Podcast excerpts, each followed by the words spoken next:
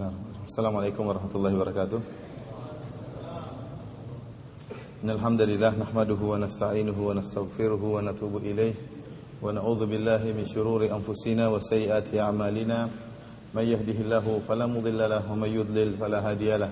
أشهد أن لا إله إلا الله وحده لا شريك له. وأشهد أن محمدا عبده ورسوله لا نبي بعده. يا أيها الذين آمنوا اتقوا الله حق تقاته ولا تموتن إلا وأنتم مسلمون.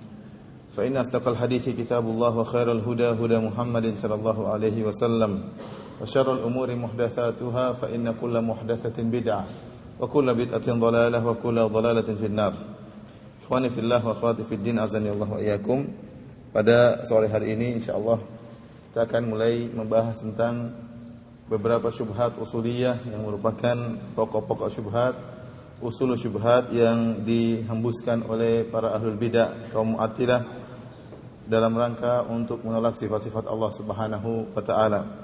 Dan akan kita sertakan jawaban Syekhul Islam Ibnu Taimiyah secara mujmal, secara global terhadap bantahan terhadap syubhat-syubhat uh, tersebut. Oleh karena saya harapkan konsentrasi daripada ikhwah sekalian uh, dalam uh, memahami pengajian akan kita sampaikan pada kesempatan hari ini. Fadhal halaman 109.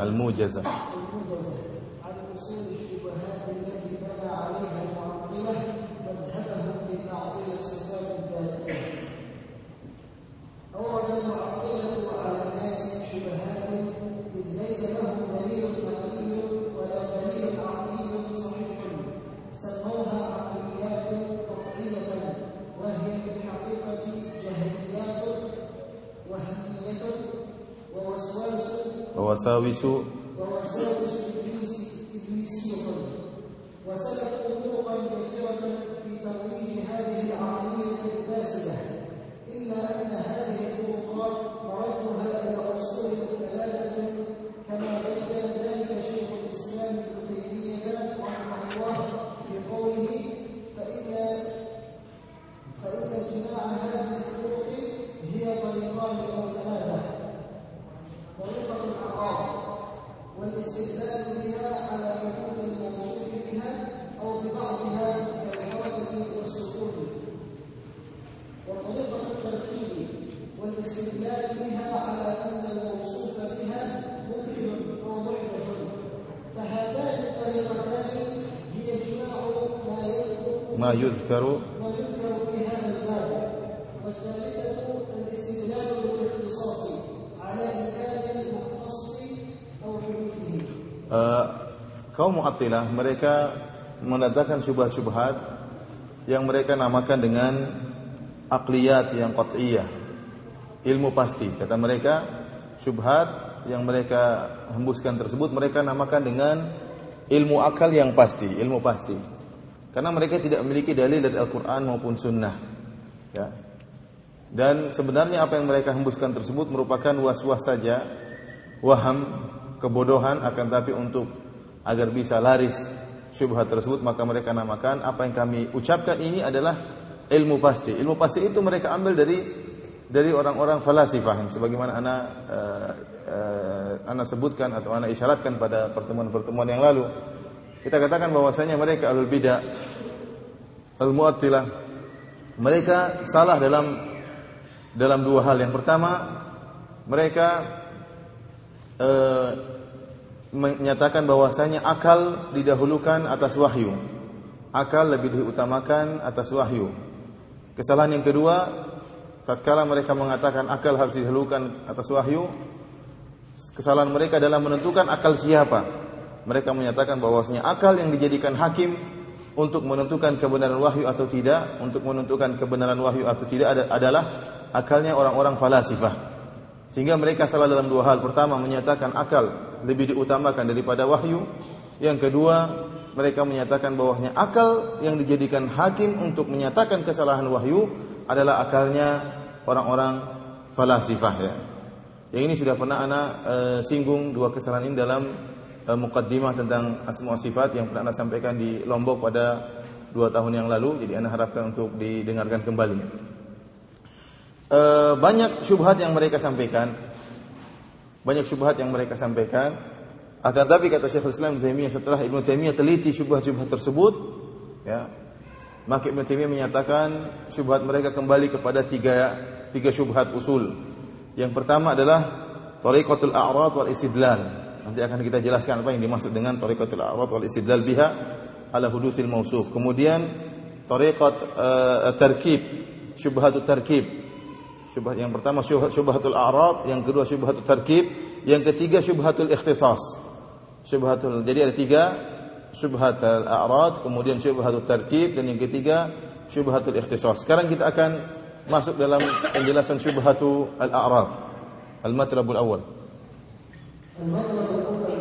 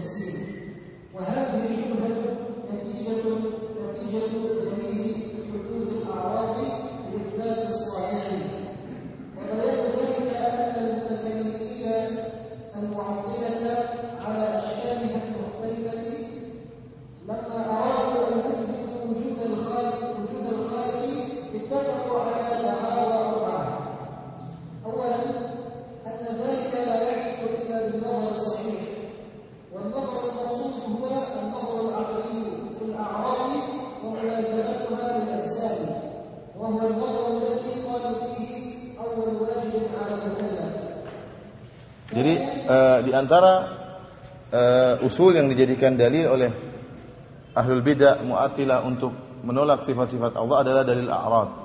Apa itu dalil a'rad? Jadi orang-orang uh, Al-Mu'attilah ini baik dari Mu'tazilah maupun dari Asy'ariyah yang paling banyak Mu'attilah, Asy'ariyah dan Maturidiyah, mereka memiliki buku-buku yang mereka beri judul Usulul Aqidah, Usuluddin, Usul Aqidah, Usuluddin, At-Tauhid. Rata-rata dalam di awal buku-buku tersebut sebagaimana yang Anda pernah baca, yang Anda periksa dari buku-buku mereka, mereka selalu di awal pembahasan dari buku-buku akidah mereka tentang pembahasan uh, dalil adanya Tuhan. Mereka berbicara tentang bagaimana kita mengetahui adanya Tuhan. Di antara dalil yang mereka gunakan untuk menentukan adanya Tuhan, mereka menggunakan dalil yang namanya disebut dengan dalil al-a'rad. Dalil al-a'rad.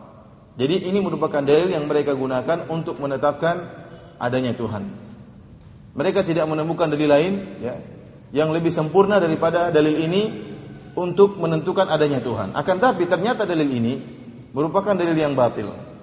Dan kelaziman dari dalil ini, Tuhan yang mereka tetapkan itu harus tidak punya sifat. Tuhan yang mereka tetapkan harus tidak punya tidak punya sifat. Akhirnya tatkala mereka ingin menetapkan Tuhan, ujung-ujungnya nanti natijahnya hasilnya Tuhan tersebut tidak punya sifat yang intinya itu bukan Tuhan. Jadi mereka ingin menetapkan Tuhan yang intinya tidak ada tuh Tuhan. Apa itu dalil a'rad? Kita akan dan yang dimaksud dengan al-arad ini yang mereka namakan dengan awal wajibin alal mukallaf. Kita kalau ahlu sunnah, tatkala kita mengatakan awal wajibin alal mukallaf, yang pertama wajib bagi mukallaf untuk diketahui adalah kewajiban bertauhid kepada Allah Subhanahu wa taala. Mengesahkan Allah Subhanahu wa taala dalam peribadatan. Akan tapi mereka mengatakan yang awal wajibin alal mukallaf, yang pertama kali wajib bagi mukallaf adalah apa?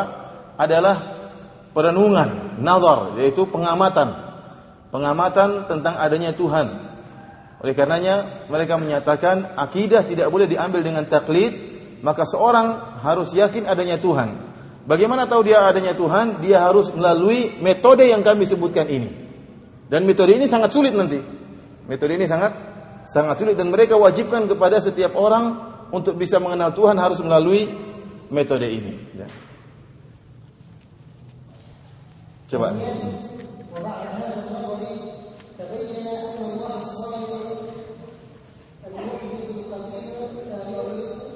أن أن أن الله الصانع المحدث القديم لا يعرف وبعد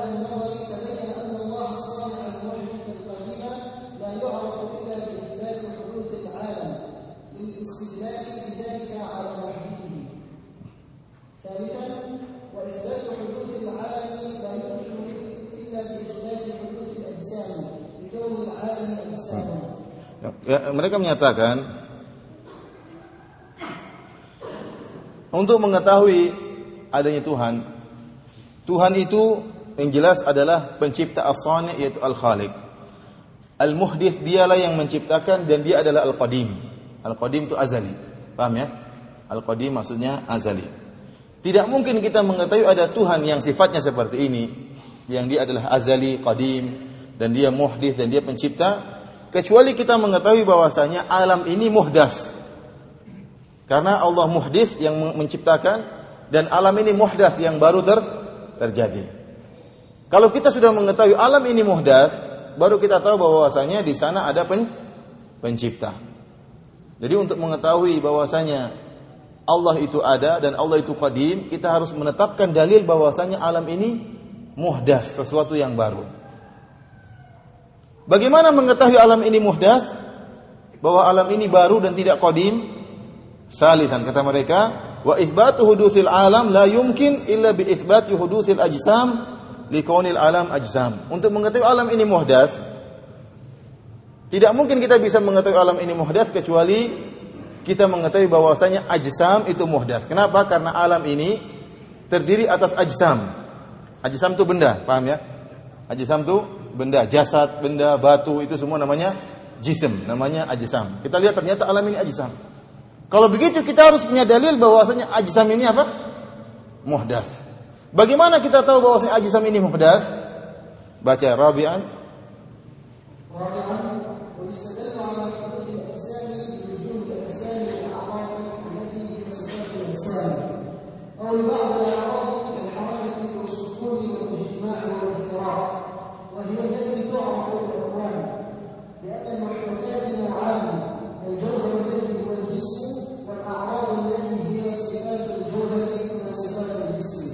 Untuk mengetahui ajsam itu muhdas, maka ternyata setelah diliti ajsam itu memiliki sifat-sifat khusus yang buat dia muhdas. Apa sifat-sifatnya? Sifat-sifat itu disebut dengan a'rad. Dengan apa? A'rad. Contohnya apa? Di antara a'rad seperti bergerak, diam, kemudian bercerai-berai, bersatu ya. Semua sifat semua yang ada sifatnya maka itu jism. Saya ulangi, semua kata mereka tidak mungkin di antara sifat khusus jisim, jisim itu menerima sifat. Menerima apa? Sifat. Dan sifat tidak mungkin berdiri sendiri kecuali nempel pada apa? Pada jisim. Pada suatu benda, pada suatu. Oleh karenanya, sifat utama jisim yang menunjukkan jisim itu muhdas adalah dia memiliki a'rad. Dia memiliki apa? Memiliki sifat. Kapan saja sesuatu memiliki sifat, maka dia jisim. Kapan saja sesuatu memiliki sifat, maka dia jisam. Paham sampai sini? Insyaallah. A'udzu billahi minasyaitonir rajim. An-natijah baca. والنتيجة فالمحدث الصالح لا بد أن يكون خاليا من الحدوث وبالتالي خاليا من الأجسام وبالتالي خاليا من الأعراض التي هي صفات الأجسام وبالتالي خاليا من الصفات Natijahnya apa? Berarti al-muhdits as-sani al-qadim, Tuhan yang qadim tersebut yang bukan muhdats, itu syaratnya dia tidak boleh ada sifat hudus, sifat baru karena dia muhdits, dia qadim. Ya, karena sifat hudus adalah sifat apa? Sifat alam. Kalau begitu dia tidak boleh berjisim karena jisim itu apa? Muh muhdats. Kalau tidak boleh berjisim, berarti tidak boleh ada a'radnya. Karena a'rad merupakan sifat daripada jisim. Sesuatu semua yang ada sesuatu semua yang ada sifatnya itu berarti apa? Jisim. Berarti Tuhan tidak boleh punya jisim kalau begitu tidak boleh tidak boleh punya a'rad. Kalau begitu tidak boleh punya sifat karena a'rad itu yang namanya sifat. Kalau begitu tidak boleh ada sifatnya sama sama sekali.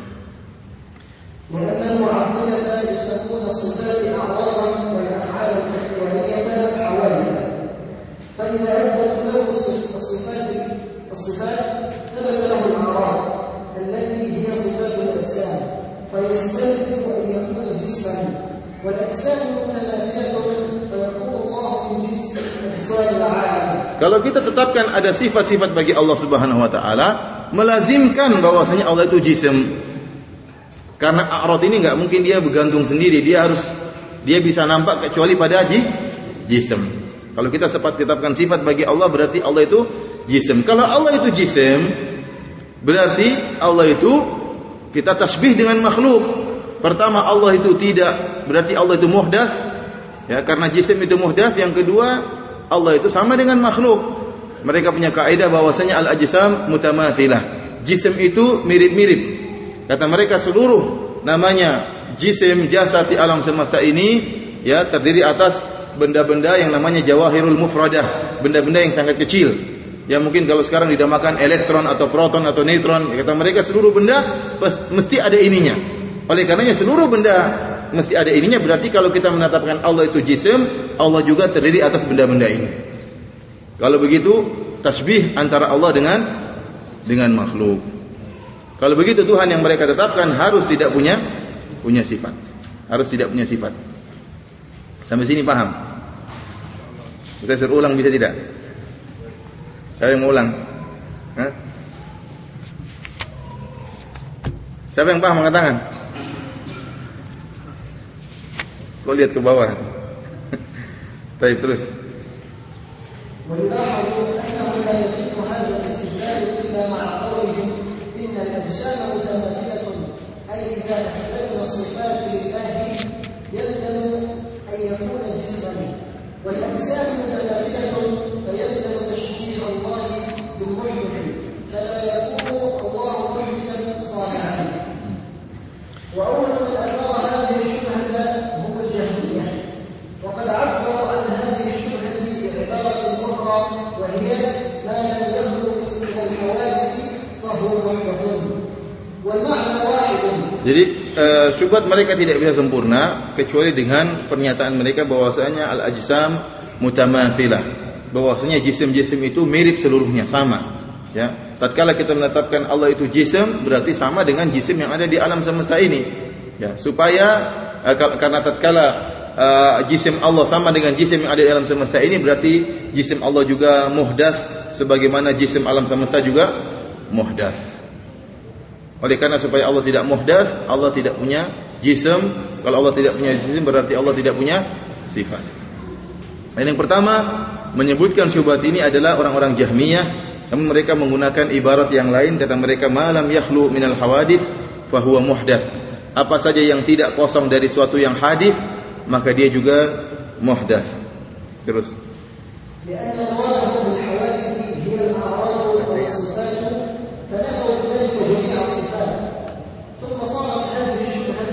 أصحاب عمرو بن عبيد من المعتزلة ثم اعتمد عليها الأشاعرة فكل فرق المعطلة اتفقوا على استخدام هذه الشبهة بنفي الصفات. ثم اختلفوا نتيجة اختلافهم في المعتقد في كيفية تطبيق هذه الشبهة بنفي الصفات. والقضية العظمى هنا قضية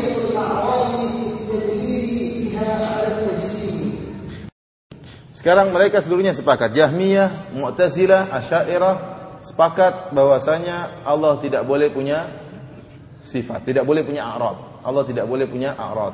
Karena kalau Allah punya a'rad melazimkan Allah ji, jisim. Kalau Allah jisim berarti Allah muhdats dan tidak muhdits. Allah muhdats dan bukan bukan qadim. Akan tapi ternyata pada praktek syubhat ini, pada penerapan syubhat ini mereka berbeda-beda. Karena memang akidah mereka berbeda-beda. Kita tahu bahwasanya Jahmiyah menolak seluruh seluruh sifat. Mu'tazilah juga menolak seluruh sifat. Ternyata Kullabiyah, Asy'ariyah menetapkan sebagian sifat. Ini bagaimana kalau sebagian sifat ditetapkan berarti a'rad. Kalau gitu Allah jisim. Ternyata ada perbedaan di antara mereka dalam menerapkan syubhat ini setelah mereka sepakat akan bahwasanya syubhat ini merupakan ilmu pasti yang tidak bisa ditolak dalam menetapkan adanya Tuhan. Al-Jahmiyah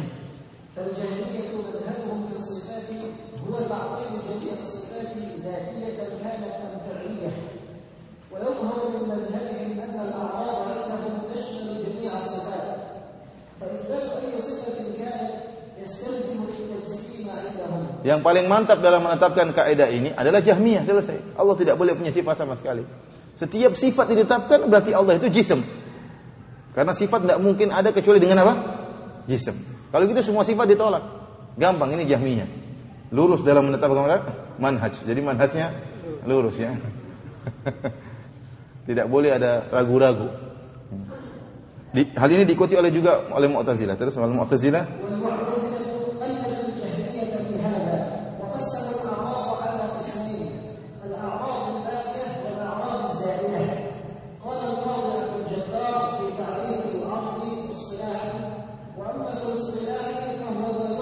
ma ya'ridu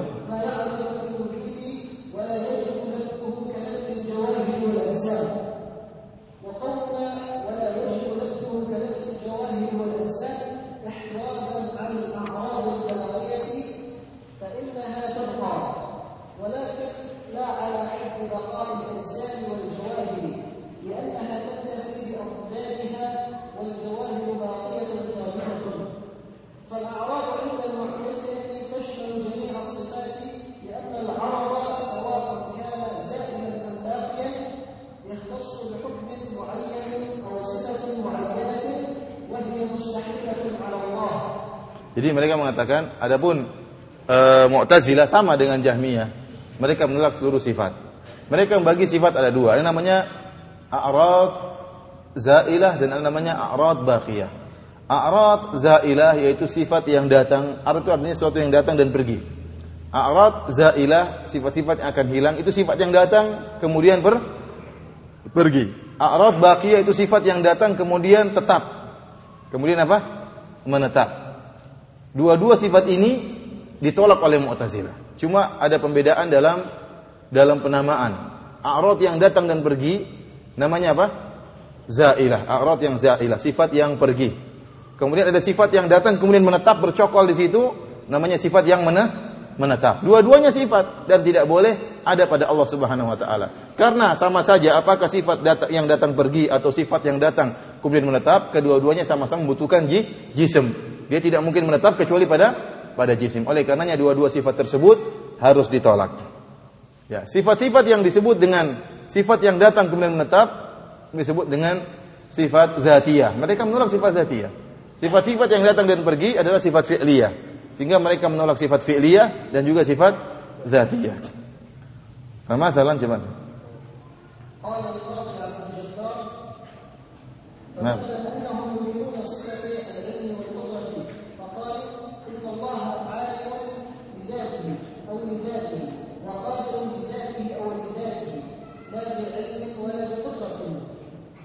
فمثلا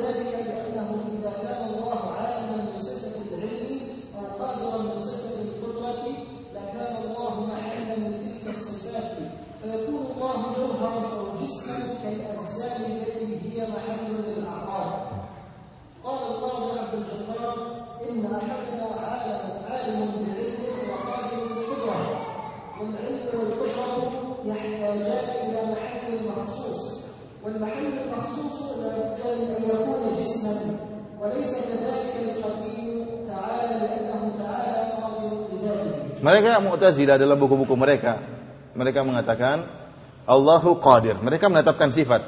Bagaimana dengan ini? Allahu Qadirun. Allahu ala kulli syai'in qadir. Kata mereka, iya Allah Qadir. Allah Qadirun. Tetapi bukan dengan sifat kudrah. Tapi bagaimana? Qadirun bidzatihi. Qadirun bidzatihi kata mereka. Au qadirun lidzatihi. Allah qadir dengan zatnya. Bagaimana itu? Kita nggak paham, tapi mereka pura-pura paham. Sebenarnya mereka juga tidak paham. Bagaimana namanya qadir harus dengan sifat apa? Kudrah. Tapi mereka supaya tidak menetapkan sifat, terpaksa mereka mengatakan Allahu qadirun bidzatihi. Allah kudrah dengan zatnya.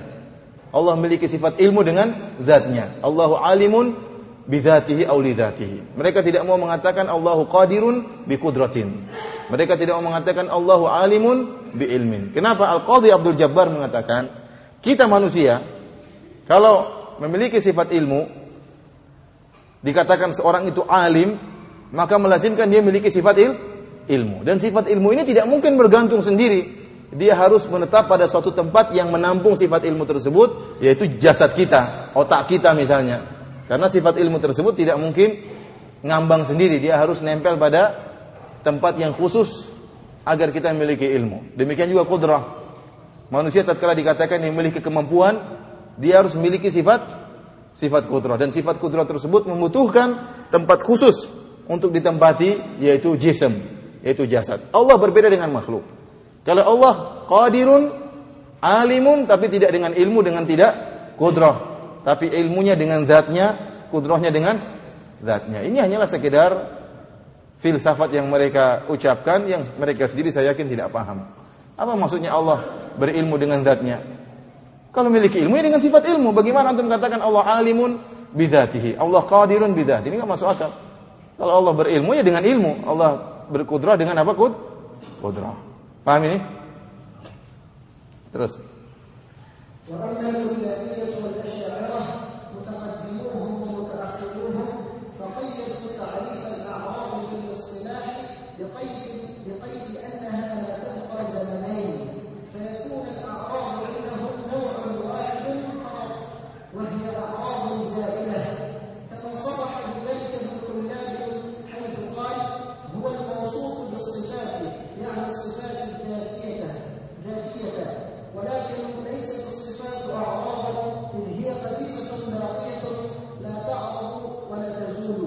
Adapun Kulabiyah dan Asy'ariyah maka Kulabiyah dan Asy'ariyah mereka tentunya kita tahu mereka menetapkan sifat-sifat zatiyah sebagaimana jelaskan pada pertemuan-pertemuan yang lalu.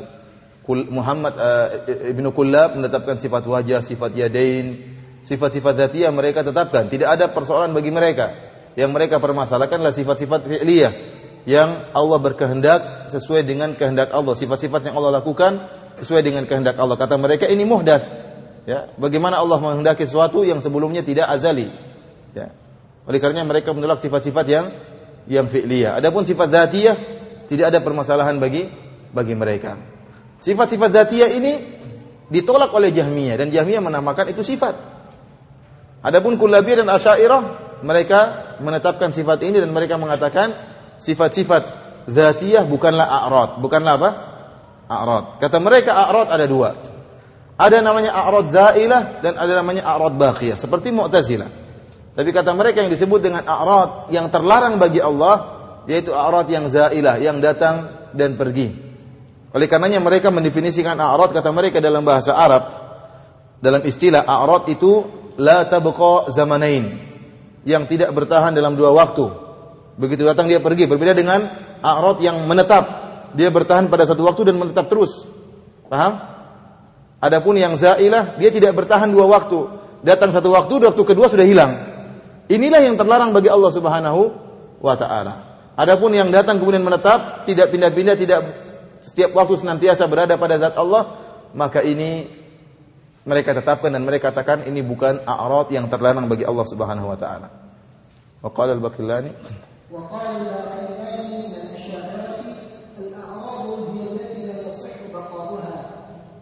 وهي التي تعمل في الجواهر والأجسام وتبطل في ثاني حال وجودها. والدليل قوله تعالى تريدون عرض الدنيا والله يريد الآخرة.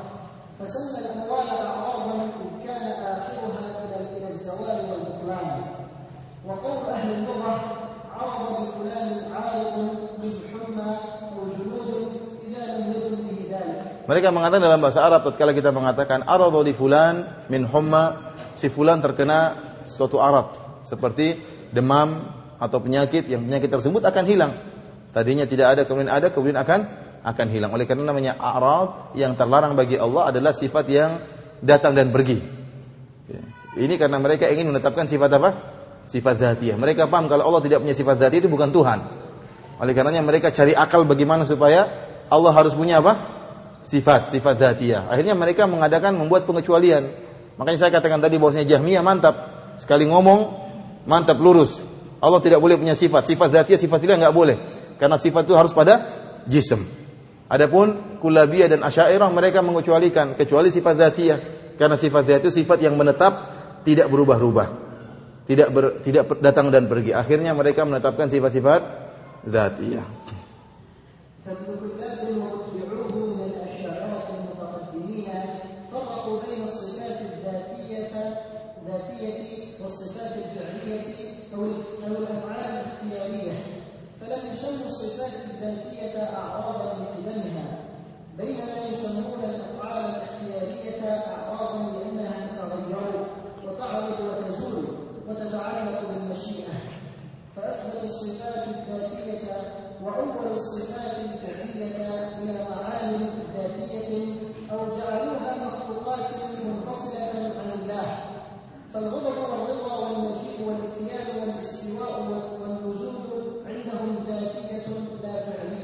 Oleh karenanya eh, orang-orang Ibnu Kullab, Kullabiyah dan Asy'ariyah mereka eh, membedakan antara sifat fi'liyah dan sifat zatiyah. Mereka tidak menamakan sifat zatiyah dengan a'rad. Kenapa? Karena sifat zatiyah qadim. Sifat zatiyah apa? Qadim. Dan ini bukan suatu yang datang yang pergi. Yang mereka namakan sifat a'rad adalah sifat-sifat fi'liyah saja sehingga mereka mereka tolak. Akhirnya mereka menetapkan sifat-sifat zatiyah. Adapun sifat-sifat fi'liyah yang disandarkan kepada Allah Subhanahu wa taala, maka mereka takwil. Sifat-sifat fi'liyah mereka apa? Mereka takwil. Ada dua cara mentakwil mereka. Ima mereka jadikan sifat fi'liyah tersebut sebagai sifat dzatiyah atau mereka menjadikan sifat fi'liyah tersebut sebagai makhluk yang terpisah dari zat Allah Subhanahu wa taala. Ada berapa kemungkinan? Dua. Ima mereka menjadikan sifat fi'liyah tersebut sebagai sifat dzatiyah atau kemungkinan kedua mereka menjadikan sifat fi'liyah tersebut seperti makhluk yang diciptakan di luar dari zat Allah Subhanahu wa taala. Contohnya seperti ghadab dan ridha yang Anda sampaikan kemarin, ya. Al-ghadab dan ar-ridha ya. Seperti Allah Subhanahu wa taala ya. Allah Subhanahu wa taala sudah ridha kepada Umar sejak zaman apa? Azali. Dengan bentuk keridhaan yang stabil dan jamid statis tidak pernah berubah meskipun tatkala itu Umar dahulunya memusuhi kaum muslimin ya tatkala Umar masih kafir dan memusuhi kaum muslimin Allah sudah ridha kepada apa kepada Umar dengan keridhaan yang statis tidak berubah. Karena sifat ridho merupakan sifat dah ya. Ataupun kalau dikatakan, adapun kalau dikatakan Allah waktu itu ridho kepada Umar sebelumnya Allah marah sama Umar berarti ada perubahan. Dan perubahan ini adalah a'rad. Tidak boleh Allah seperti ini. Padahal kita tahu sifat ridho, sifat ghadab itu sifat fi'liyah. Allah ridho dan ghadab tergantung kondisi makhluk. Ya, tatkala seorang makhluk bertakwa kepada Allah, Allah ridho kepada dia. Tatkala ketakwaannya bertambah, semakin tinggi ridho Allah kepada dia. Tatkala dia bermaksiat, Allah marah sama dia. Ini tidak ada dalam kamus kamusnya orang-orang kullabiyah dan asyairah. Jadi sifat Allah harus statis, tidak boleh ada perubahan dan ada pengurangan dan tidak boleh berubah-ubah dan tidak boleh berkaitan dengan kehendak Allah Subhanahu wa taala. Contohnya sifat nuzul. Sebagian asyairah antum mendapati mereka menetapkan sifat nuzul. Sifat nuzul sebagian orang asyairah tapi asyairah yang mutaqaddimun. Maksud mereka dengan nuzul tersebut bukan sifat yang kita pahami, sifat yang berkaitan dengan kehendak Allah kalau kehendaki Allah akan turun sesuai dengan kehendak Allah Subhanahu wa taala, tapi mereka meyakini sifat nuzul itu adalah suatu makhluk yang diciptakan di luar apa? Di luar zat Allah Subhanahu wa taala. Makhluk tersebut namanya nuzul. Bukan Ustadz Nuzul ya. Ada di Jakarta namanya siapa Ustadz? Ustadz Nuzul. Jadi makhluk tersebut mereka namakan nuzul, sifat nuzul. Seperti juga uh, istiwa. Mereka menetapkan istiwa. Ya. Tapi jangan sama istiwa yang ditetapkan oleh ahlu sunnah tidak sama dengan istiwa mereka. Karena istiwa ini sifat fi'liyah. Mereka masukkan istiwa adalah suatu kondisi makhluk yang Allah ciptakan di atas ars. Bukan sifat yang melekat pada zat Allah Subhanahu wa taala. Faham ini? Kita lanjutkan. Qala Syekhul Islam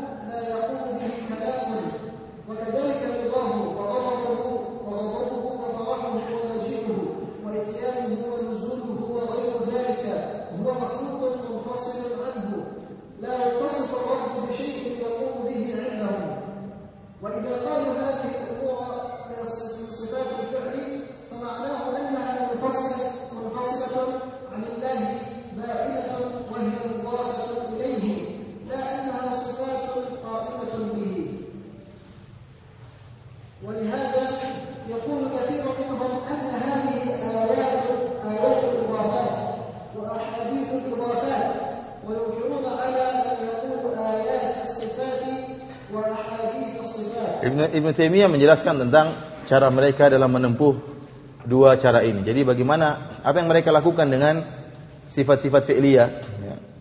Sehingga orang-orang kullabiyah dan asyairah mutaqaddimun mereka mengagungkan nusus. Ayat mereka agungkan, hadis mereka agungkan. Tidak mungkin mereka tolak.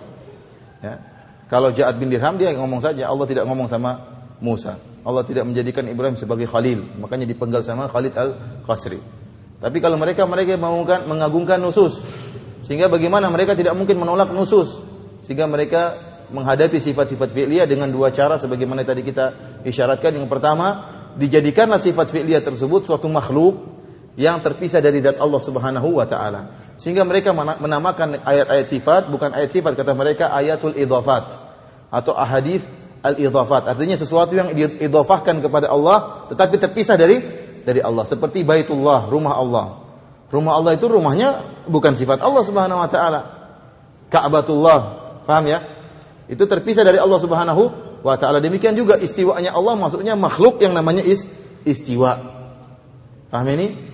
Ya, ini cara pertama yang mereka tempuh untuk ya atau mereka menamakan seperti ridha Allah ada cara, cara yang pertama mereka misalnya mengatakan ridha bukan sifat dzatiyah tapi ridha adalah uh, makhluk.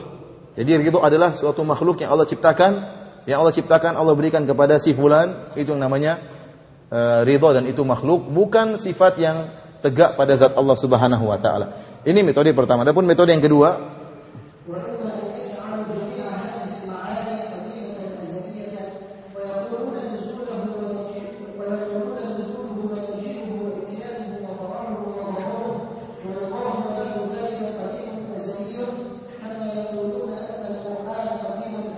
atau mereka menjadikan sifat-sifat fi'liyah menjadi sesuatu yang qadim seperti anak contohkan pada pertemuan yang awal tentang Al-Quran. Mereka mengatakan kalamullah menjadi kalam apa? Za?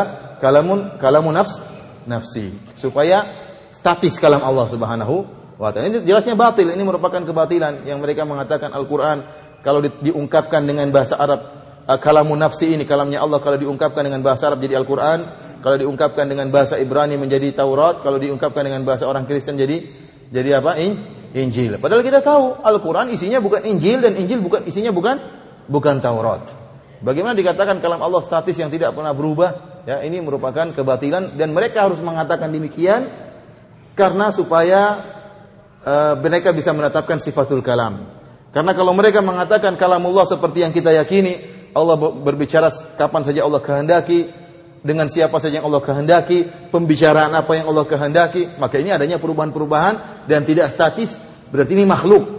Sehingga mereka tidak berani menyatakan Al-Quran kalamullah sebagaimana yang kita yakini, tapi dengan sebagaimana yang mereka katakan kalamullah adalah kalamu nafsi.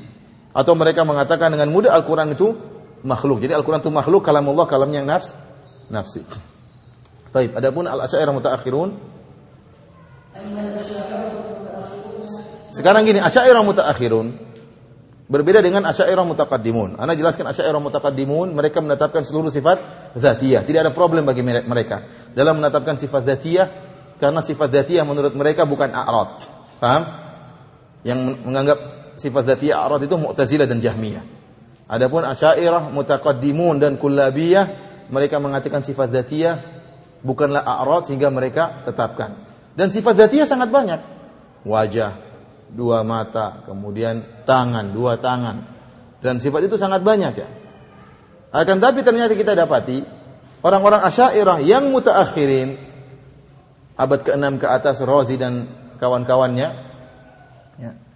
Mereka tidak menetapkan sifat-sifat Allah kecuali cuma tuh tujuh. Kecuali cuma berapa?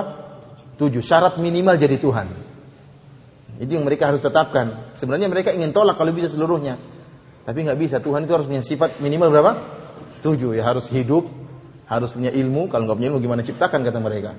Harus punya kudroh, harus mendengar, harus me melihat, harus bisa berbicara. Kalau nggak bisa berbicara gimana mau bilang kun fayakun? Nggak bisa. Harus punya iradah. Ini sifat mereka tetapkan dengan akal doang.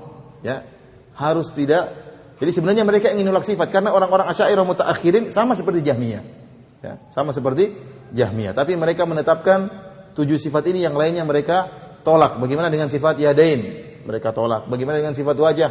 Mereka tolak. Bagaimana dengan sifat yang lain? Mereka mereka tolak semuanya.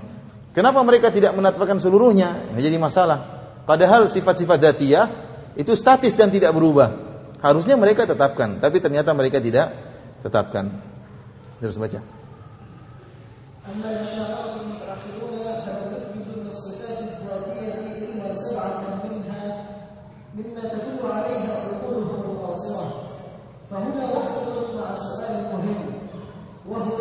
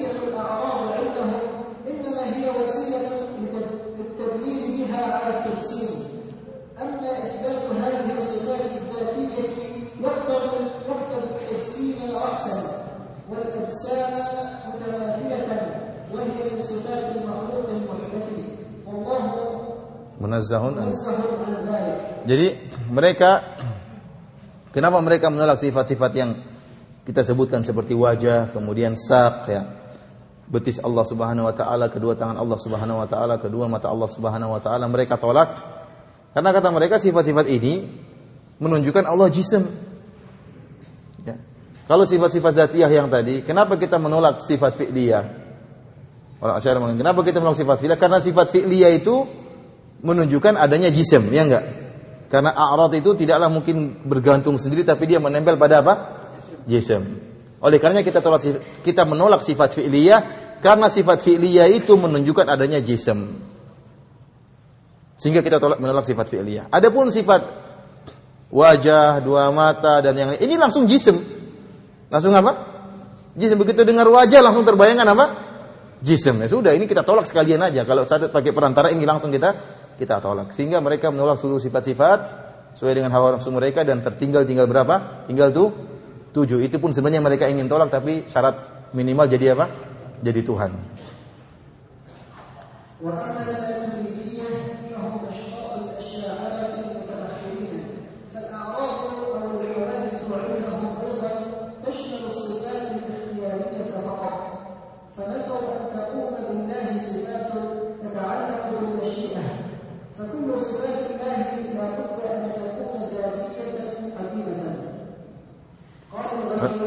Lewat aja lewat.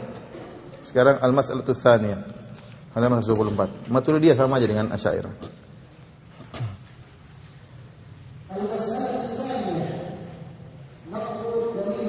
Sekarang kita membantah dalil ini ya. Sekarang uh, menjelaskan kebatilan dalil ini. Ini harus dipahami. Kalau tadi nggak paham nggak apa-apa. ini harus paham sekarang. Coba saya ingin tahu uh, di antara satu, salah seorang ikhwah meringkas tadi apa yang kita ucapkan.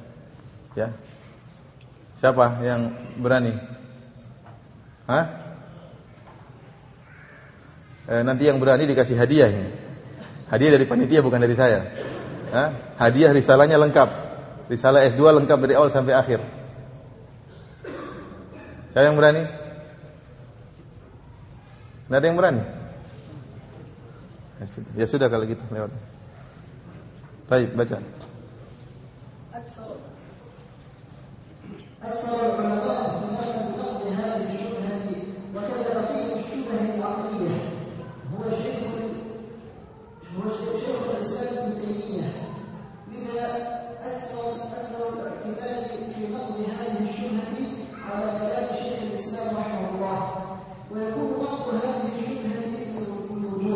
Yang paling getol membantah syubhat ini adalah Ibnu Taimiyah rahimahullah, kemudian juga murid beliau Ibnu Qayyim rahimahullah dalam kitabnya Suwaiqu Al-Mursalah. Ibnu Qayyim rahimahullah banyak mengambil faedah dari uh, gurunya Syekhul Islam Ibnu Taimiyah dengan penuh tawadhu ya. Bahkan tatkala anak baca Ibnu Qayyim tatkala membantah uh, taqdimul aql ala naql ya, dia bilang orang-orang yang mengatakan bahwasanya akal harus didahulukan daripada nakal daripada dalil ini adalah perkataan yang batil kemudian beliau sebutkan entah berapa puluh sisi untuk membantah apa uh, pemikiran tersebut. Kemudian beliau mengatakan ini hanyalah setetes air dari lautan ilmu guru saya Ibnu Taimiyah rahimahullah. Ibnu Taimiyah rahimahullah punya buku ya perkataan Razi Qanunul Kulli itu cuma setengah lembar dibantah 11 jilid oleh Ibnu Taimiyah rahimahullah. Dalam kitabnya apa? Darut Ta'arudil Aql wa Naql ya. Itu buku kalau dibaca bikin cepat tua. Itu perkataan sebagian masyarakat baca buku itu cepat tua karena mengkerut kalau antum baca terus. Jadi buku tidak santai gitu bacanya kita matanya mengkerut. Ya karena memang berat dan apa? tegang ya. Antum harus ini maksudnya apa ini? A'rot ini apa? Ajsam ini apa ya? Itu sulit oleh karenanya eh, kita pun yang mahasiswa S3 terkadang hanya ditugasi untuk membaca beberapa jilid saja, tidak tidak seluruhnya ya, karena memang bikin cepat tua ya.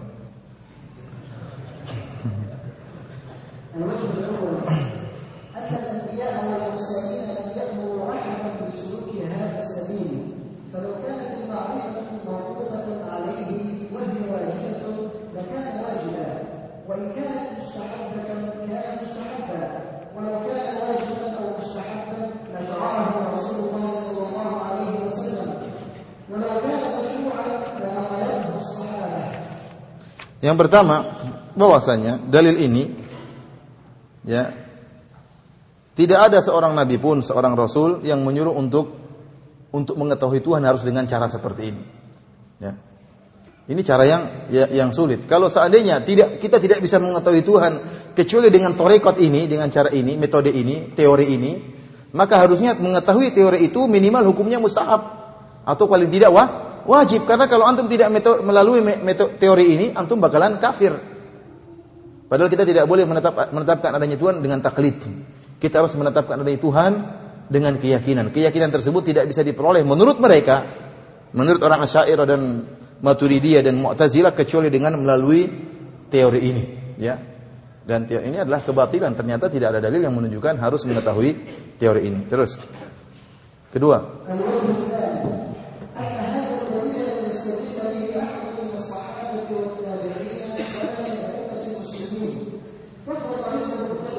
Mubtada'atun.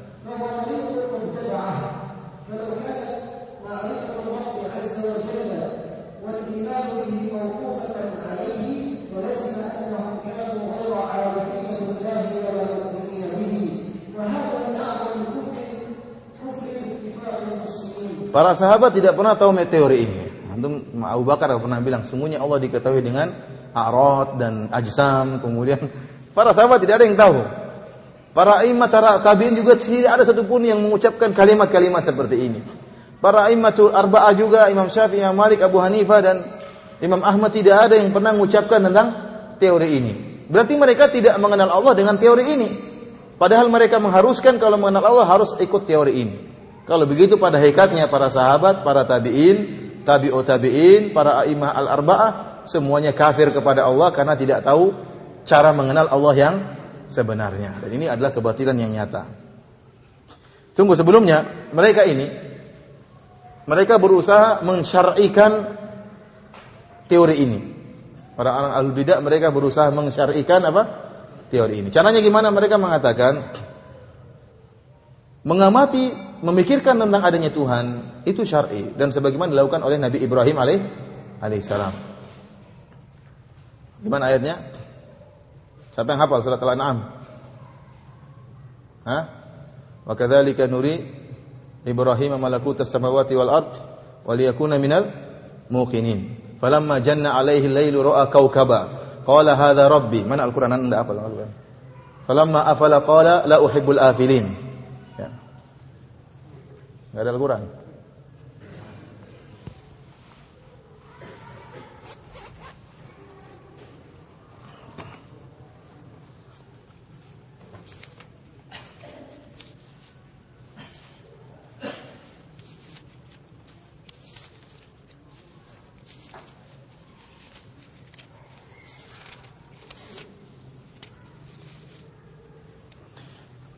Dalam surat Al-An'am ayat 75 dan seterusnya.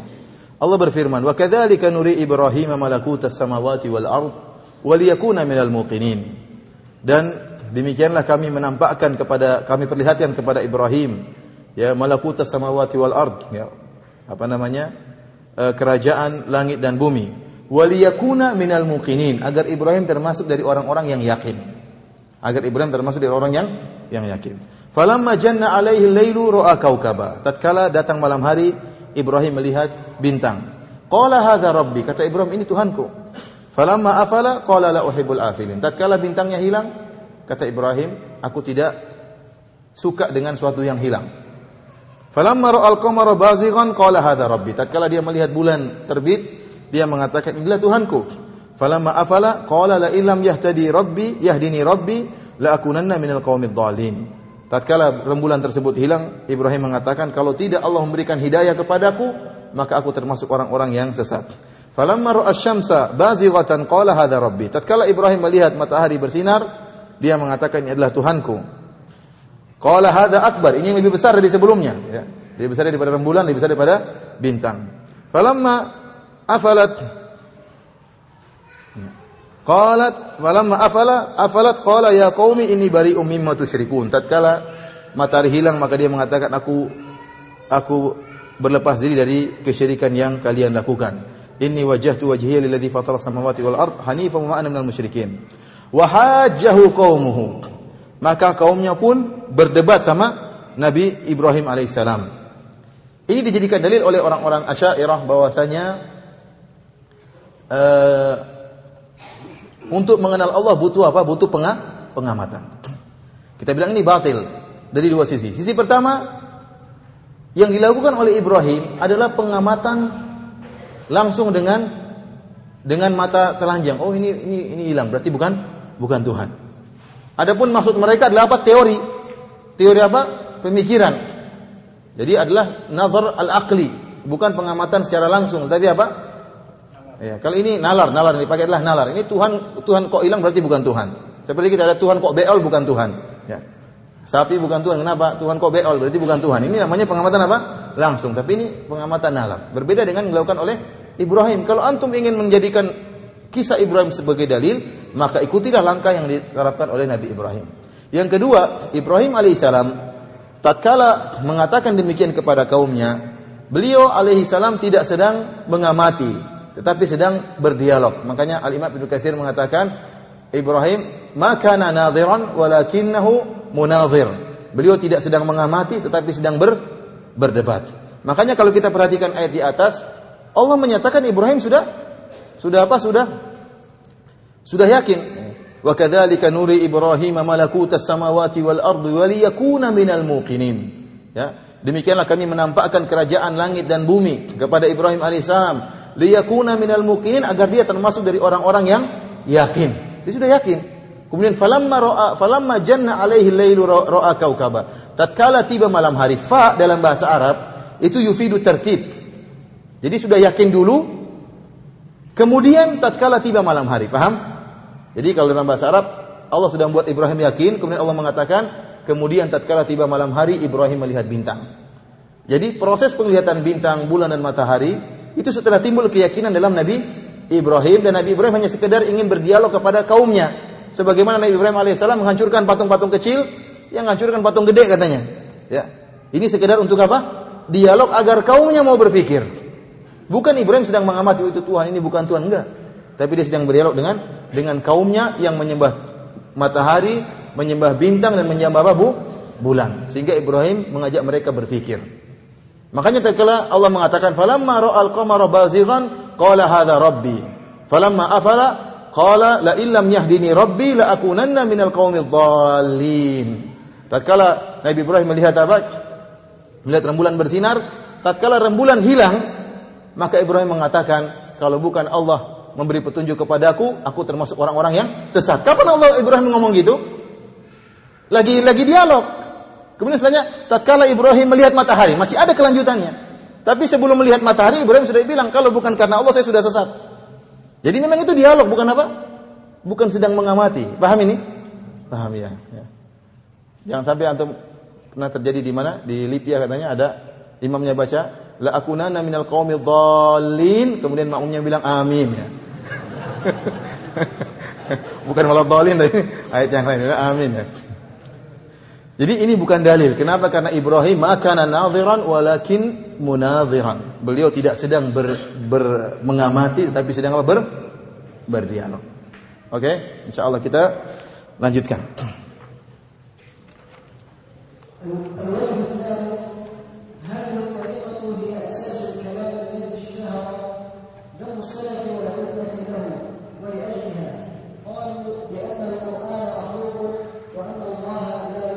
لا يرى وأن الله لا يرى في الآخرة وأنه ليس فوق العرش وأنه الصفات والفارقون لها نوعان Inilah torekoh ini dalil a'rad.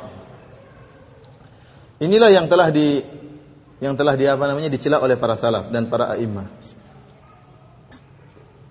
Minhum man yadhkuruha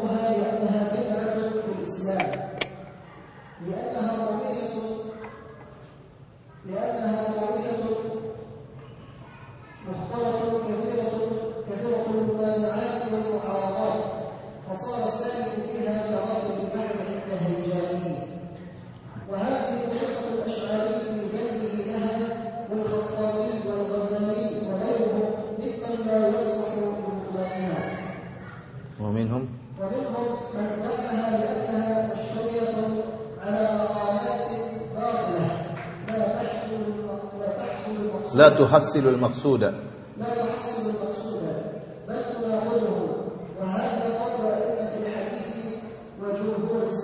para imam dahulu mereka telah mencela teori ini untuk menetapkan adanya Tuhan mereka celah teori ini Kenapa kata mereka? Teori inilah yang menyebabkan ditolaknya sifat-sifat oleh Jahmiyah. Sehingga menyatakan Allah tidak dilihat di langit. Gara-gara gara-gara teori ini. Padahal kita tahu orang-orang asyairah mereka menyatakan Allah bisa dilihat di akhirat. Namun kaum Mu'tazilah dengan teori ini pula lah mereka menolak Allah bisa dilihat di di akhirat. Dengan teori inilah mereka mengatakan Allah tidak ada di atas ya karena kalau ada Allah di atas berarti Allah jisim. Allah di jihad kalau Allah jihad kaitannya dengan jisim dan a'rad, jisim dan a'rad sehingga banyak sifat yang mereka mereka tolak. Dan para pencela teori ini ada dua model. Pertama, model orang-orang yang mereka mengatakan teori ini teori yang susah. Mereka ini tidak bisa menjelaskan kebatilan teori ini seperti Ghazali, Abu Hasan Al-Asy'ari, eh, kemudian eh, Al-Khattabi. Mereka ini mencela teori untuk mengadakan adanya Tuhan dengan teori seperti ini, teori al-a'rad dan uh, teori al-a'rad. Dan mereka mereka mencela namun mereka tidak bisa menjelaskan kebatilan teori ini. Mereka hanya mengatakan orang yang dipaksa untuk memahami teori ini sama seperti orang yang sedang naik di lautan yang penuh dengan ombak sehingga dia terambang-ambing, bingung dia, ya. Banyak orang yang menyerang dia, ombak ingin menenggelamkan dia. Sama dengan orang yang menempuh metode ini. Banyak orang yang mencela metode ini, banyak orang yang menghadang metode ini, banyak orang yang berusaha membatilkan metode ini. Jadi metode ini sulit. Para pencela model kedua, yaitu seperti alul hadis, mereka mengatakan metode ini batil, bukan sekedar sulit tapi apa? Batil dan mereka jelaskan kebatilannya. Kebatilannya gini gini gini gini. Contohnya dijelaskan oleh apa? Syekhul Islam Ibnu Taimiyah rahimahullah. Al-Wajh Rabi'. الوجه الرابع أن إلزام عوام الناس بهذه الطريقة لمعرفة الله هو إلزامهم بشيء لم يفهموه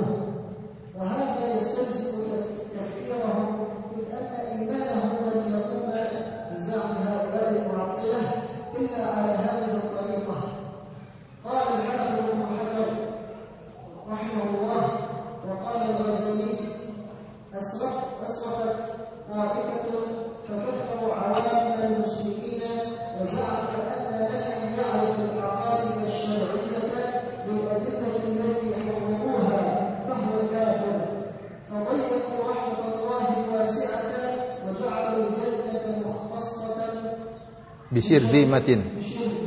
yasiratin. Melazimkan orang-orang awam untuk mengetahui Allah dengan metode ini ini melazimkan sesuatu yang mereka tidak pahami. Antum datang ke tukang apa orang sawah pak pak itu orang-orang tua pak tahu nggak Tuhan? Saya tahu ada Tuhan. Tahu nggak cara mengetahui Tuhan? Caranya harus begini. Ada ajisam, ada a'rad a'rad zaila a'rad baqiyah. Ajisam mutamafiyah paham nggak? Kafir kamu. Ini begitu. Kalau nggak seperti itu, berarti dia tidak mengetahui Allah dengan dalil. Dia harus mengetahui adanya Tuhan dengan yakin. Oleh karenanya, mereka sendiri khilaf awal wajibin alal mukallaf. Apa yang harus wajib pertama kali bagi seorang yang sudah dewasa? Kalau kita ahlu sunnah, pertama yang wajib mentauhidkan Allah. Karena Allah, sudah tahu dalam Tuhan, Tuhan itu sudah ada, sudah fitrah. Tidak perlu diwajibkan lagi. Ngapain diwajibkan mereka sudah yakin adanya Tuhan? Yang diwajibkan kalau sudah tahu Tuhan mau ngapain? Maka kalau yang diwajibkan adalah harus mentauhidkan Allah Subhanahu wa taala. Mereka tidak. Yang pertama kali wajib harus mengetahui Tuhan. Kalau begitu, pertama kamu harus ragu. Ragu dulu subhanallah sampai dibantah oleh mereka. Bagaimana kamu melazimkan kekafiran, mewajibkan kekafiran kepada seorang? Memang harus begitu. Makanya terkadang sering kita dahulu waktu anak masih SMA sering adanya apa namanya e, pesantren kilat. Terkadang sang guru mengatakan demikian. Kamu tahu dari mana ada Tuhan?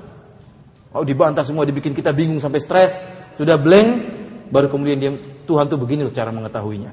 Nah, ini ini membuat orang kafir dahulu, kamu harus kafir dulu, baru kemudian mengenal apa? Tuhan. Mulai kafir kemudian nggak kenal-kenal gimana? Bablas kah? Kafir. Oleh karenanya Al-Ghazali mencela Toreko ini. Dia mengatakan apa? Dia mengatakan bahwasanya cara mereka orang-orang mutakallimin ahlul kalam mereka mewajibkan kepada awam nas orang-orang awam untuk mengenal Tuhan dengan metode yang mereka letakkan. Tidak boleh dengan metode metode lain. Dan ini merupakan kewajiban terhadap mereka sesuatu yang tidak mereka pahami. Akibatnya apa? Karena mereka tidak paham, akhirnya mereka mengkafirkan orang-orang awam kaum muslimin. Fadayyaku rahmatullah, maka mereka mempersempit rahmat Allah Subhanahu wa taala dan mereka para ahlul mutakallim ini, ahli filsafat ini menjadikan surga hanya khusus bagi kelompok sedikit dari ahli filsafat. Yang bisa masuk surga hanyalah ahli fil filsafat yang paham tentang metode ini. Ini kelaziman dari metode ini. Bahkan Al-Hafidz Ibnu Hajar rahimahullah dalam Fathul Bari saya lupa sampaikan di sini saya lupa nukil dalam jilid 13, tak ada seorang ahli filsafat dikatakan, ya akhi intinya bahasa bahasa gampangnya kita, ya akhi, kalau ente dengan metode seperti ini, ya terlalu banyak orang yang kafir. Kata dia apa urusan saya? Kafir ya silakan. Jadi tidak peduli orang kafir, biarin aja kafir ya. Dia tidak peduli. Ya. Apa urusan saya mereka kafir? Kapan jawabannya begitu? Karena ini menunjukkan kebatilan metode al-a'rad. Wajil khamis.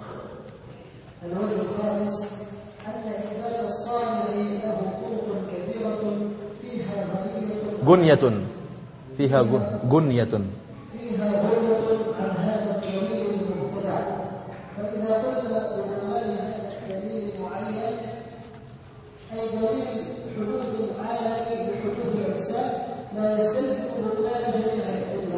Eh, kita katakan bahwasanya untuk menetapkan adanya Tuhan terlalu banyak dalil. Terlalu banyak dalil. Dan apa namanya? Kalau kita mengatakan teori antum metode antum batil, masih ada dalil-dalil lain yang menunjukkan akan hal itu. Tidak mesti harus metode ini. Taruhlah metode ini benar, kita pun mengatakan tidak harus pakai metode ini. Apalagi metode ini apa, Pak? Batil.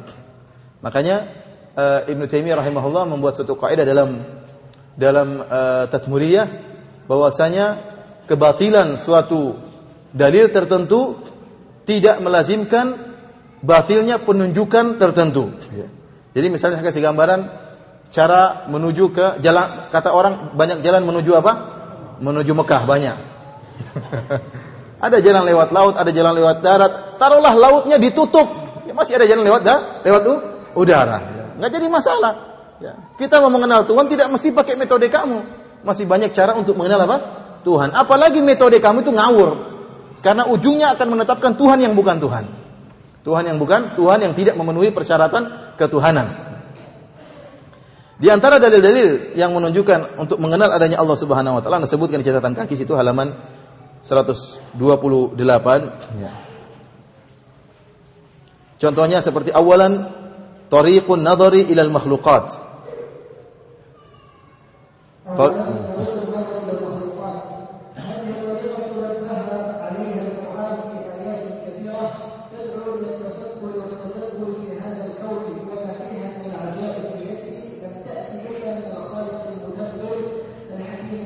Ini di antaranya seperti memandang kepada makhluk-makhluk Allah Subhanahu Wa Taala. Di antaranya seperti firman Allah Subhanahu Wa Taala, "Afala yang ila al-ibili kaifa khuliqat, wa ila samai kaifa rufi'at, wa ila jibali kaifa nusibat, wa ila al-ardi kaifa sutihat." Ini sudah cukup. Orang melihat alam yang begitu muhkam, yang begitu sempurna, semuanya berjalan dengan aturannya, matahari berjalan dengan aturannya, bagaimana bu, gunung yang bisa dipasak oleh Allah Subhanahu wa taala pada masuk menjulang ke dalam tanah, kemudian bagaimana langit yang bisa ditegakkan oleh Allah tanpa ada tiang. Ini semua membuat orang yakin bahwasanya ada yang menciptakan benda-benda tersebut. Contohnya afala yang duruna ilal ibili kaifa khuliqat. Apakah mereka tidak melihat bagaimana onta di diciptakan? Syekhul Islam Taimiyah dalam bayan, bayan Talbisul Jahmiyah menyebutkan kenapa Allah mengkhususkan penyebutan onta. Karena onta ini memenuhi tiga, memiliki tiga fungsi yang jarang atau tidak ditemukan pada hewan-hewan yang lain. Onta itu dimakan dagingnya, dikendarai apa namanya? Jadikan apa? Tung, tunggangan dan juga di diminum apa? Minum susunya. Kalau hewan-hewan yang lain biasanya tidak. Sapi cuma apa? Dimakan, dan diminum su, susunya tidak ditunggangi. Sapi tidak ditunggangi. Ya. Oleh karena dalam satu hadis tatkala Al Imam Al Bukhari menyampaikan satu hadis tatkala Nabi SAW setelah salat subuh, Nabi SAW mengatakan bainama rajulun bi baqaratin idraqibaha. Ada seorang yang berjalan dengan sapinya kemudian dia naik sapinya. Maka sapinya protes. Sapinya berkata, "Inilam ukhlaq li Saya tidak diciptakan untuk kamu tunggangi wahai Tuhanku. Innama khuliqtu lil harth.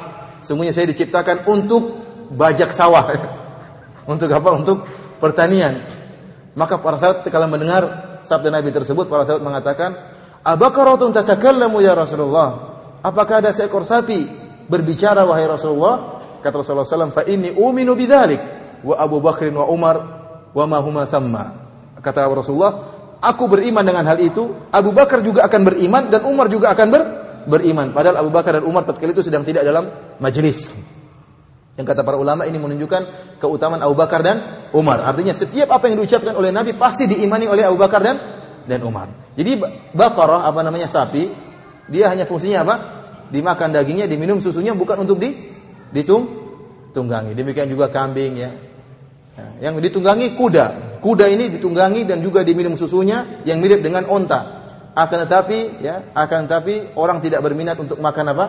Daging kuda, tidak seperti daging daging onta ya. Dan banyak keajaiban-keajaiban apa? Onta. Di antaranya onta itu ingatannya sangat kuat. Saya pernah berkunjung ke eh, apa namanya? ke kandang onta. Orangnya mengatakan onta ini pernah hilang di Taif kalau tidak salah ya. Kemudian kembali lagi ke Madinah. Bayangkannya dari mana? Dari Taif jalan ke Madinah ya. Jauh atau tidak itu? Jauh. Oleh karenanya tatkala ada orang mengatakan Rasulullah, ya, bagaimana kalau ada unta hilang? Apa urusanmu dengan untamu? Unta tersebut, unta itu tahu jalan jalan pulangnya ya. ya. Bahkan bagaimana sadisnya unta pernah tersebar di apa? Di Bluetooth tatkala unta sedang berduel, ada dua unta berkelahi. Ada orang Sudani, orang Sudan memisahkan unta tersebut. Dua unta tersebut. Dua unta ini marah tatkala dipisahkan. Akhirnya mereka bersepakat membunuh orang Sudani ini. Tidak mau dia. Lagi duel kok dipisah lagi. Eh, marah dia akhirnya dua ini bekerja sama membunuh apa? Orang Sudan ini ngeri sekali ya. Ada juga kisah yang tersebar di antara teman tentang apa onta yang pem, pem, apa pendendam dia. Orangnya onta suka, suka dendam. Suatu saat katanya ada pemilik onta yang dia menyembelih anak onta di depan ontanya. Ontanya diam-diam saja dia tidak marah. Cuma dia ingat betul dan dia balas dendam. Akhirnya tatkala sang pemilik onta tidur di malam hari, maka onta pun datang dan dia ingin menginjak sang pemilik onta tersebut untuk balas dendam yang telah menyembelih anaknya di hadapan mata dia. Rupanya pemilik onta ini sadar, ini onta malam pasti ngamuk ini. Akhirnya dia pun tidur, dia tidak dia hanya meletakkan selimut tapi tidak ada dia di situ. Seakan-akan dia ada di situ. Selimutnya ditutup padahal tidak ada dia. Benar onta itu muncul. Muncul jalan pelan-pelan, kemudian dia naik di atas tempat tidurnya, kemudian dia krek, krek dan dia goyang-goyang. Nah, ini sudah tewas ini. Sudah tewas, sudah gembira. Tiba-tiba pemiliknya muncul. Begitu dia pemiliknya masih hidup, langsung dia mati. Untanya langsung mati. Karena apa? Hasad yang kurang ajar. Ada cerita seperti itu, Allah alam benar atau tidak. Jadi onta itu binatang yang apa? Yang ajib. Ya, antum bayangkan bisa dijadikan buat safar di jalan di sohro, di padang pasir dan dia bisa menyimpan air. Ya, bahkan kalau kausan ontanya bisa disembelih kemudian diambil apa? Air minumnya. Ini hewan yang sangat apa? Ajaib. Seorang yang melihat makhluk-makhluk Allah yang ajaib, tentunya yakin bahwasanya adanya Allah Subhanahu wa taala. Demikian juga yang kedua,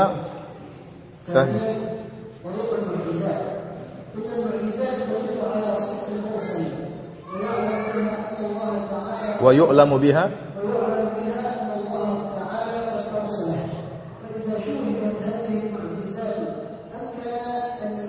an yu'lam an yu'lama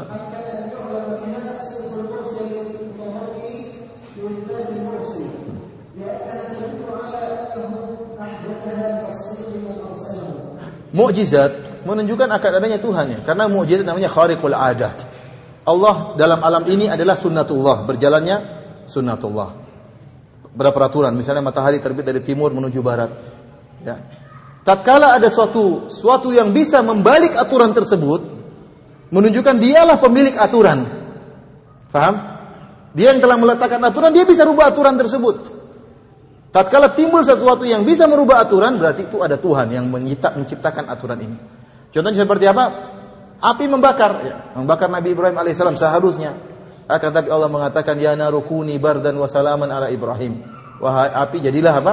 Engkau dingin dan penuh keselamatan. Ini menunjukkan berarti ada yang bisa merubah aturan alam semesta ini. Dialah Allah Subhanahu wa taala. Demikian juga tatkala uh, Ibrahim berdialog dengan apa?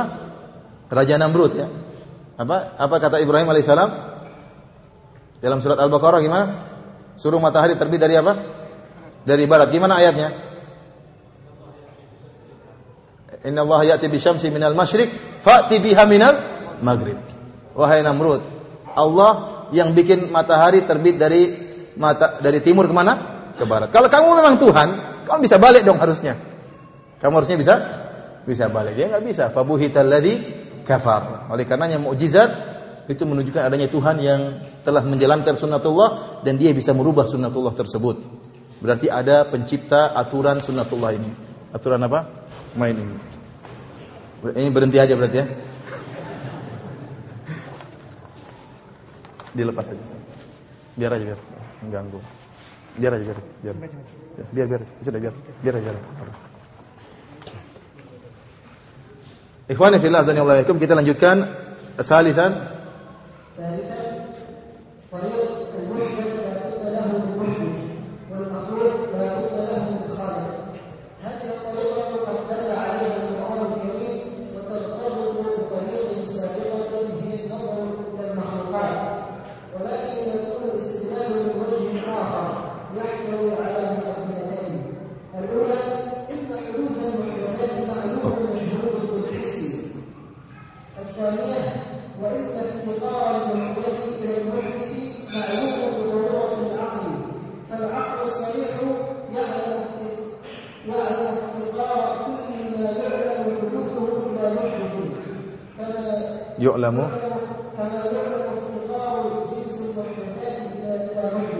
Yang ketiga adalah tariq al-muhdats, suatu yang muhdats pasti pasti ada muhditsnya. Antum perhatikan teori tadi, teori al-a'rad. Dalil a'rad, teorinya gimana? Teorinya bagaimana kita bisa mengetahui bahwa ini muhdats? Mereka mengatakan ada alam, ada jisim. Bagaimana kamu tahu jisim itu muhdats? Kita harus cari tahu. Caranya bahwa dia punya si sifat. Sebenarnya kita mengetahui alam ini muhdath itu tidak perlu dalil. Antum tahu dulu antum tidak ada menjadi ada sudah ini berarti alam ini muhdath. Tidak perlu pakai dalil. Dari mana kamu tahu kalau kamu itu muhdath? Dari mana kamu tahu? Ya, saya dulu tidak. Dari mana kamu tahu dulu kamu tidak ada? Ya repot kan? Kamu kamu itu baru itu ya sudah diketahui secara secara nyata tidak perlu dalil. Tatkala kita sudah tahu bahwasanya alam ini muhdath, ya yang tadinya tidak ada rumah menjadi ada rumah, tadinya tidak ada orang menjadi ada orang, ya. Tadinya ada orang hidup menjadi mati, ya. ya sudah ini berarti perkara yang berubah-ubah ini muhdats. Kalau suatu yang muhdats secara akal pasti ada yang mu muhdis, pasti ada yang men menciptakan. Pasti ada yang menciptakan secara akal tidak perlu lagi kita mencari dalil untuk menunjukkan bahwasanya alam ini muhdats. Oleh karenanya orang-orang falasifah mereka capek-capek yang tidak manfaatnya. Mereka pertama melihat alam ini muhdats. Mana dalil bahwasanya alam ini muhdats? Enggak usah dibahas. Sudah jelas alam itu apa? Muhdats. Ini capeknya mereka dan akhirnya mereka terjerumus dalam uh, kesalahan. Allah Subhanahu wa taala mengatakan, "Am khuliqu min ghairi syai'in am humul khaliqun?" Apakah mereka diciptakan tanpa ada khalik? Am humul khaliqun? Apakah mereka menciptakan diri mereka sendiri? Ini pertanyaan Allah sudah matikan. Apakah mereka diciptakan tanpa adanya pencipta? Ataukah mereka yang menciptakan diri mereka sendiri? Jelas tidak benar. Yang benar, yang ketiga, ada yang menciptakan apa? Menciptakan mereka. Baik. Uh, uh, sabi, ya sadis ya.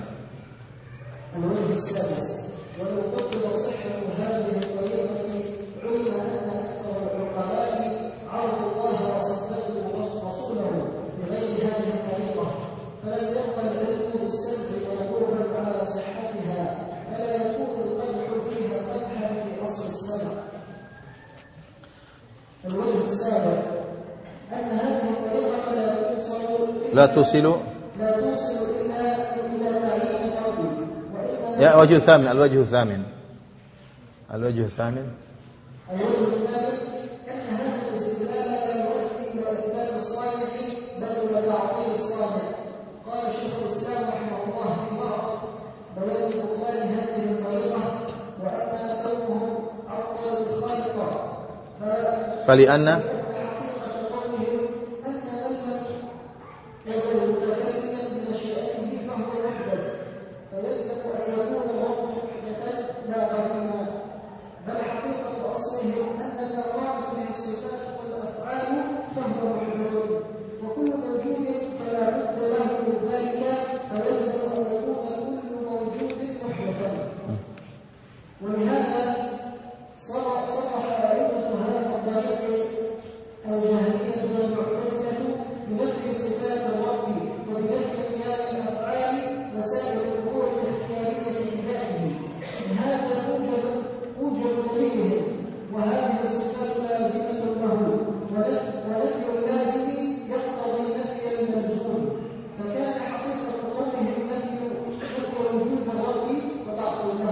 Intinya ikhwan eh, eh, yang dalil eh, wajhus sadis dikatakan bahwasanya kalau kita mencela atau membatalkan toreko ini tidak melazimkan kita mencela dalil Al-Qur'an dan Sunnah. Ya, tidak mencela as-sama. Jadi dalil Al-Qur'an dan Sunnah yang menetapkan adanya Allah Subhanahu wa taala tidak dibangun di atas toreko ini. Jadi saya ulangi bahwasanya toriko ini dibangun di atas dalil bahwasanya akal didahulukan atas apa? Atas nakal. Akal didahulukan di atas apa? Nakal. Akal didahulukan didahulukan atas dalil. Dan e, mereka mendahulukan akal karena mereka mengatakan akalah yang menunjukkan adanya apa tuh? Tuhan. Akalah yang menunjukkan adanya Tuhan. Berarti akal ini merupakan dalil utama yang tidak boleh dikorek-korek. Kenapa? Karena dialah yang berhasil menunjukkan adanya apa tuh? Tuhan. Oleh karena jika ada dalil-dalil dari Al-Quran dan Sunnah yang menyelisih akal, maka mereka harus ditolak. Karena kalau kita mendepankan Al-Quran dan Sunnah atas akal, berarti kita telah mencela akal yang menunjukkan adanya Tuhan. Berarti kita telah mencela apa? Mencela akal yang menunjukkan adanya apa tuh? Tuhan. Kalau kita mencela akal yang menunjukkan adanya Tuhan, berarti keyakinan kita terhadap Tuhan itu salah. Karena akalnya saja su- sudah sah, salah. Aduh bingung yuk sampaikan teman. Gini aja deh, kasih perempuan. Anda sudah pernah sampaikan ini dalam pengajian-pengajian yang dulu, oleh karenanya Anda ingatkan untuk kembali mendengarkan ceramah tentang apa? Muqaddimah dalam eh, Tauhid Asma Sifat di kajian net ada ya. Tulisannya Muqaddimah kajian di Lombok, ada tulisan di Lombok. Itu didengarkan ya. Intinya gambarannya seperti seorang tukang sapu kita datang tukang sapu tersebut tanya, "Pak, anak saya sakit, tahu nggak ada dokter di sini?" Kata dia itu dokter sana rumahnya. Kemudian kita ke dokter tersebut. Terima kasih Pak, kita ke dokter tersebut. Setelah kita ke dokter dikasih resep. Obatnya gini gini gini. Tatkala kita pulang lewat jalan tersebut, tukang sapu tadi mengatakan, "Apa resepnya yang dikasih dokter? Ini resepnya." Oh, salah ini resepnya. Harusnya begini begini begini salah. Tatkala gitu kita, mana yang kita benarkan? Tukang sapu atau apa? Atau dokter? Yang kita benarkan yang mana? Kita bilang, "Pak, saya pilih dokter." Kata tukang sapu, "Saya yang tunjukkan dia dokter." Yang tunjukkan dia dokter siapa? Saya yang tunjukkan. Kamu percaya nggak sama saya? Iya, bapak yang tunjukkan dia dokter, tapi sekarang dia itu dokter, saya percaya sama dokter. Harusnya begitu ya. Oleh karena tatkala akal menunjukkan Muhammad itu nabi dan Allah itu Tuhan, sudah tugas akal sudah selesai. Dan akal menunjukkan Tuhan nggak mungkin salah, namanya Tuhan kok salah. Dan akal menunjukkan Rasulnya Tuhan tidak mungkin sa salah. Justru kalau kita menolak dalil dari Allah dan sunnah gara-gara akal, berarti sebenarnya kita sedang mencela akal. Sekarang kita bilang gini, gampangnya gini, Pak, tukang sapu, kamu yang menunjukkan itu dokter, benar atau enggak itu? Benar dia dokter. Ya sudah, saya ambil perkataan dokter. Loh, saya yang menunjukkan, kamu harus menerima perkataan perkataan saya. Pak, kalau saya ambil perkataan Bapak, berarti sebenarnya dia bukan dokter. Paham nggak? Karena Bapak mengatakan dia dokter yang keliru. Tadi Bapak bilang dokter dia benar itu dokternya. Sekarang Bapak bilang ambil saja perkataan saya, tinggalkan resep dokter. Berarti tadi Bapak pertama itu keliru. Paham nggak? Berarti kalau saya mengatakan dia bukan dokter, saya mendahulukan perkataan Bapak dari perkataan dokter, melazimkan Bapak itu dari awal sudah keliru. Paham atau tidak? Paham, Alhamdulillah. Kemudian sebenarnya yang kedelapan al-wajh tsamin dalil ini melazimkan ditolaknya Tuhan. Karena Tuhan yang mereka sebutkan akhirnya Tuhan tanpa sifat. Dan tidak ada sesuatu yang maujud kecuali pasti ber, bersifat. Apa saja yang maujud antum sebutin pasti ada sifatnya. Dan tidak ada sesuatu yang maujud kecuali pasti ada sifatnya. Melazimkan Tuhan ini tidak ada. Makanya mereka mengatakan Tuhan Allah itu Allah adalah uh, maujud uh, mutlak bisyartil itlaq. Allah adalah maujudun mutlak bisyartil itlaq. Maksudnya maujud mutlak itu maujud yang mutlak bisyartil itlaq tanpa ditakyid dengan sifat tertentu, tanpa diikat dengan sifat-sifat tertentu. Itulah wujud Allah Subhanahu wa taala. Jadi wujud Allah Subhanahu wa taala wujud yang tidak ada. Seperti saya katakan, wujud. Wujud ini tidak bisa kita bayangkan. Di, di, di, di bawah kalimat wujud ini banyak ada wujud manusia, wujud hewan, wujud batu, Seluruh hewan manusia, kambing, batu, pohon, laut semuanya bergabung dalam satu kesamaan sama-sama berwu, berwujud. Wujud tersebut tidak ada zatnya, namanya wujud yang mutlak. Dia berada pada yang bergabung seluruhnya pada wujud tersebut ya. Kapan kita bisa bayangkan wujud tadi dalam alam nyata kalau kita sudah bilang wujudnya kambing baru oh kambing. Wujudnya batu baru wujud. Tapi wujud doang, wujud apa maksud kamu? Karena wujud itu hanya kalimat yang kuli kalimat umum yang tidak ada bentuknya di alam nyata hanya bisa menjadi nyata kalau kita katakan wujud kambing atau wujud batu atau wujud ter tertentu. Wujudnya Allah kata mereka tanpa ada sifatnya. Kita ini namanya wujud yang tidak ada. Oleh karenanya Tuhan yang mereka tetapkan sungguhnya itu bukan tuh Tuhan. Sungguhnya bukan Tuhan. Dari sinilah oleh karenanya uh, Al-Imam Ibnu Qayyim rahimahullah menyebutkan bagaimana Al-Ghazali mengkafirkan orang-orang falasifah karena mereka mempersyaratkan adanya Tuhan yang tidak memiliki sifat-sifat. Di antaranya sifat yang paling utama sifatul ilmi dan sifatul qudrah. Barang siapa yang tidak menetapkan sifat ilmi dan sifat kudrah itu syarat minimal Tuhan, maka tidak ada Tuhan. Karena Tuhan tidak bisa menciptakan kalau tidak punya ilmu, tidak punya kudrah. Apa yang dia lakukan? Tidak bisa cipta apa-apa. Mau menciptakan tidak punya ilmu, apa yang mau diciptakan? Kalau sudah punya ilmu pun tidak punya kekuatan, bagaimana bisa menciptakan? Oleh karenanya, hakikat dari perkataan mereka yang menolak sifat-sifat Allah Subhanahu wa taala, sungguhnya Allah itu ya atau Tuhan mereka itu bukanlah Tuhan yang memenuhi persyaratan ketuhanan.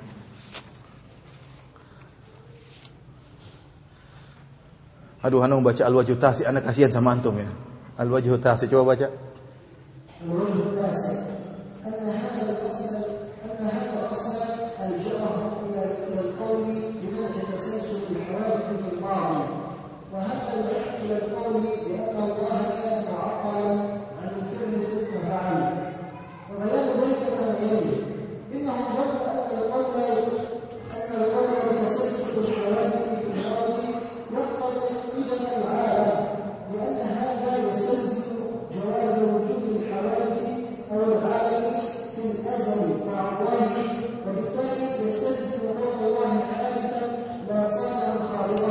Rasa sampai di sini saja ya. Kemudian kita waktu sudah habis ya. Ini tasawuf film ini butuh pikiran lagi panjang dalam ya. Butuh energi, antum harus makan lagi. uh, mudah-mudahan ini baru syubhat satu juga belum selesai. Tapi insya Allah eh, kebatilannya sudah apa? Sudah sudah jelas masih ada syubhat kedua, masih ada syubhat ketiga, masih ada syubhat keempat. Mudah-mudahan kalau Allah memperpanjang umur kita, kita bertemu lagi dengan syubhat-syubhat ini pada waktu yang lain ya. Demikian saja uh, wallahu taala alam bisawab. Wabillahi taufik walhidayah. Assalamualaikum warahmatullahi wabarakatuh.